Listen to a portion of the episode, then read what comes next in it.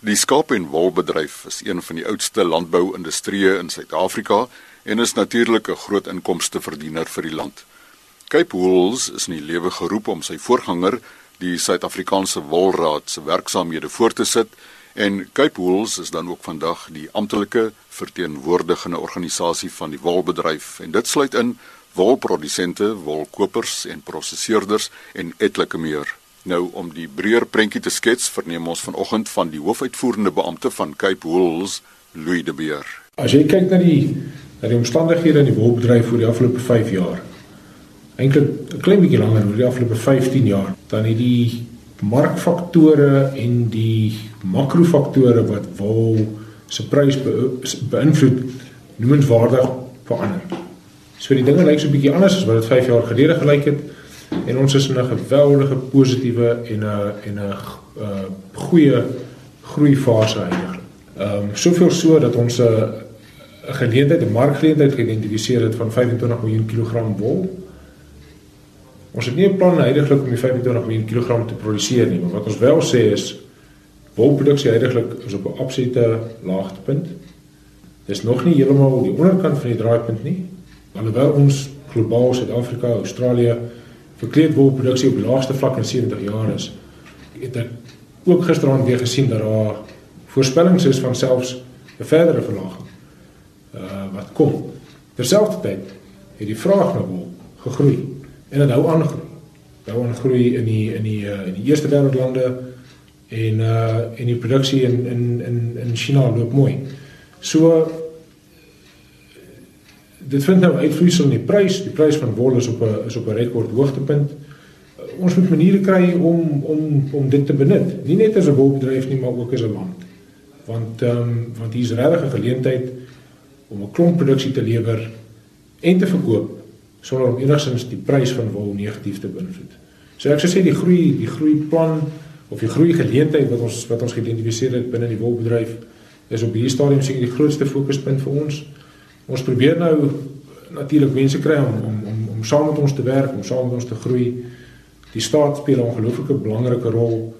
Ons sien geleentheid vir hulle om en vir ons om met grondhervormingsprojekte eh, die groei te bewerkstellig. Maar terselfdertyd is daar groei geleenthede vir die vir die kommersiële produsente sowel as die kommunale boere in die Oos-Kaap. Te midde van die droogte het ons eintlik gelyk gebreek met laas jaar se produksie waar ons gedink het ons tussen 2 en 5% sou afgewees het, is ons uh maar ons verraamlik op 3.2% af. En ehm um, ja, daar is verskeie faktore wat dit beïnvloed, maar ek dink die mark self het ook gesien dat die dat die geleentheid daar is binne in wol, dat die prys van wol, sowel as die prys van vleis uh produksie ondersteun en uh en ek dink die produsente het al klaar begin om produksie op te tel. En om dit reg te kry, moet 'n mens uit die aard van die saak op grondvlak begin en dit is op die plaas, op die boersplaas. Ja, nee, sonder sonder twyfel. Jy weet, meeste van ons ehm um, inisiatiewe is gemik op nuwe produsente, nuwe inisiatiewe om nuwe mense te betrek om bestaande klein boere te ontwikkel sodat hulle meer kan produseer. Maar weet jy die gros van die van die van die wol wat op kommersiële plase ehm um, geproduseer word, is reeds op hoogte van sake en het die vermoë om sommer redelik vinnig daai produksie, nie die volle produksie kan lewer nie, maar om die produksie te kan vermeerder. So definitief. Jy het nou sopas ook verwys na die opkomende, die klein boer. Watter aandeel het hulle aan die wolmark? Die huidige produksie in die kommunale areas en dit is nou as jy nou spekulasie en spekulante se se se betrokkeheid buite rekening laat of binne rekening in berekening bring afhangende van hoe jy dan wil kyk is tussen tussen 3 en 6 miljoen kilogram. Jy weet op grond van op grond van die totale produksie in die in die in die land is dit 'n 'n redelike klein gedeelte. Maar die die potensiaal dink ons ehm um, vir daai streek, vir die Oos-Kaap streek, die voormalige Transkei, die voormalige Siskei is is wesentlik. Dis daar. Ehm um, daar's goeie grond, daar's goeie daar's goeie weiding, daar's goeie reënval, daar's goeie bestuursvernuf. Ek dink ons het 'n paar hekkies waaroor ons moet kom voordat ons uh voordat ons die produksie kry wat ons wil hê, maar daar's definitief potensiaal om sommer sommer 'n ordentlike klomp wol uit daai voormalige tuislande te te kan genereer. Die ander ding ook is wat ons belangrik is vir ons as 'n land is dat wolproduksie op die oomblik is iets wat hulle suksesvol in hulle streke streke doen, jy weet. En ek dink op hierdie stadium van die geveg is is wolproduksie 'n wonderlike ekonomiese drywer vir hierdie gemeenskappe om te benut om hulle self uit armoede te lig. En die en die resultate daarvan sien ons fisies op die grond, as jy fisies in in die in die kommunale areas inry en jy kyk na die skape, dan sal jy dan sal jy beswaarlik sê dit is skape wat uit die kommunale stelsel uitkom. Weet jy, ons versprei toerusting, skeerhuis toerusting en dit dit maak 'n groot verskil. Dit maak 'n groot verskil as jy skeerhuise en die mense toerusting het wat wat ordentlik werk. Uh jy weet as jy 'n bal ordentlik kan kan kan pers en kan pak, dan kan jy jou vervoerkoste spaar. Dan doen ons ook skeerdersopleiding sowel as klassering. Dis 'n wonderlike geleentheid vir daai gemeenskappe om om hulle inkomste letterlik met tussen 15 en 20% indien nie meer, ekskuus tog, 15 of 25% te kan lig deur net eenvoudig wol beter te klasseer. En as jy gaan kyk na die na die na die bedrag wat dit behels, dis 'n groot klomp geld. Uh die wolindustrie se beursfonds, die Cape Wool Bursary Fund, dit is 'n fonds wat wat 'n redelike klein bestaan gehad het as gevolg van 'n familie wat wat die industrie goed gesind is. En ons het daai daai fonds nou met industriefondse aangevul en gegroei oor tyd. Maar dis 'n wonderlike plek ook om om om 'n verandering te bewerkstellig want die mense, die produsente wat fisies in die in die veld is, soek geleenthede en beurse vir hulle kinders. Ons het van ons beurshouers het ons al aangestel. Baie mense hou op met produksie eenvoudig as gevolg van predasie en veediefstal. En predasie hoef nie, dit hoef nie eers massief te wees. Jy weet, die jakkals hoef nie al jou skape op te eet. Hy moet net genoeg skade doen om jou te demoraliseer. En dan is daar geleentheid dat jy sou sou tou opgooi. Ons het 'n klomp uitdagings met predasie. Ons het ook 'n navorsingsprojek waar ons 'n scientific assessment doen ehm um, rondom predasie want die een ding wat ons wel geleer het in die afgelope in die afgelope 5 jaar is dat predasie is nie 'n eenvoudige kwessie nie. En die oplossings moet ons vind want die verbruiker gaan eenvoudig nie of gaan van die metodes wat ons gebruik net eenvoudig nie aanvaar nie. En hulle gaan eenvoudig nie jou klere koop nie, hulle gaan eenvoudig net nie wol koop nie.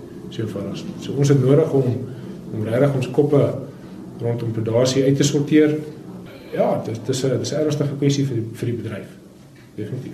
Die verbruiker in Suid-Afrika spesifiek dan nou, hoe danig is hy positief ingestel?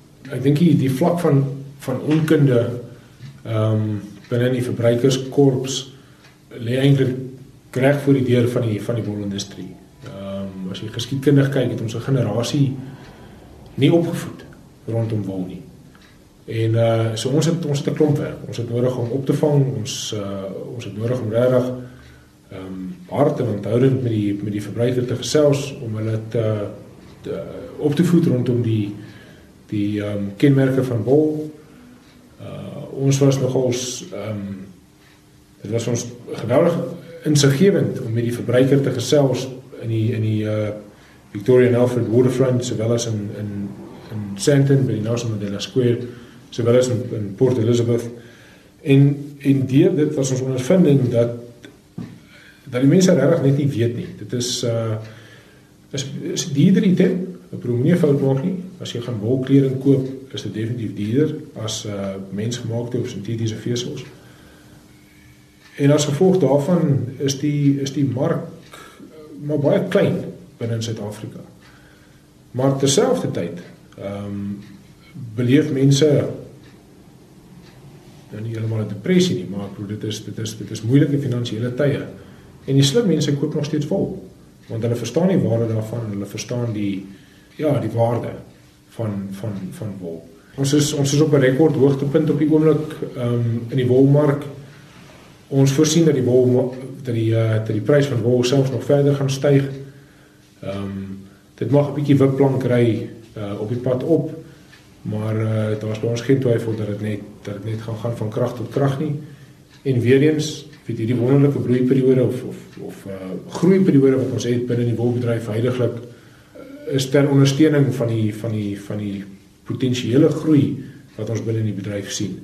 Dit is 'n fantastiese tyd vir wolboere om in die in die mark te wees en die ouens wat uh wat het, wat uh wat in die spel gebly het toe dit swaar gegaan het is definitief nou besig om die vrugte te pluk. En so vertel Louis de Beer, hoofuitvoerende beampte van Cape Wools. Ja, dis 'n lang pad wat die bedryf gestap het sedert die eerste merino skape in 1789 op Suid-Afrikaanse bodem geland het.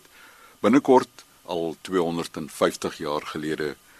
Cape Wools se webadres is www.capewools.co.za www.capewools.co.za die telefoonnommer 041 484 4301 dis 041 484 4301 groete vanaf Port Elizabeth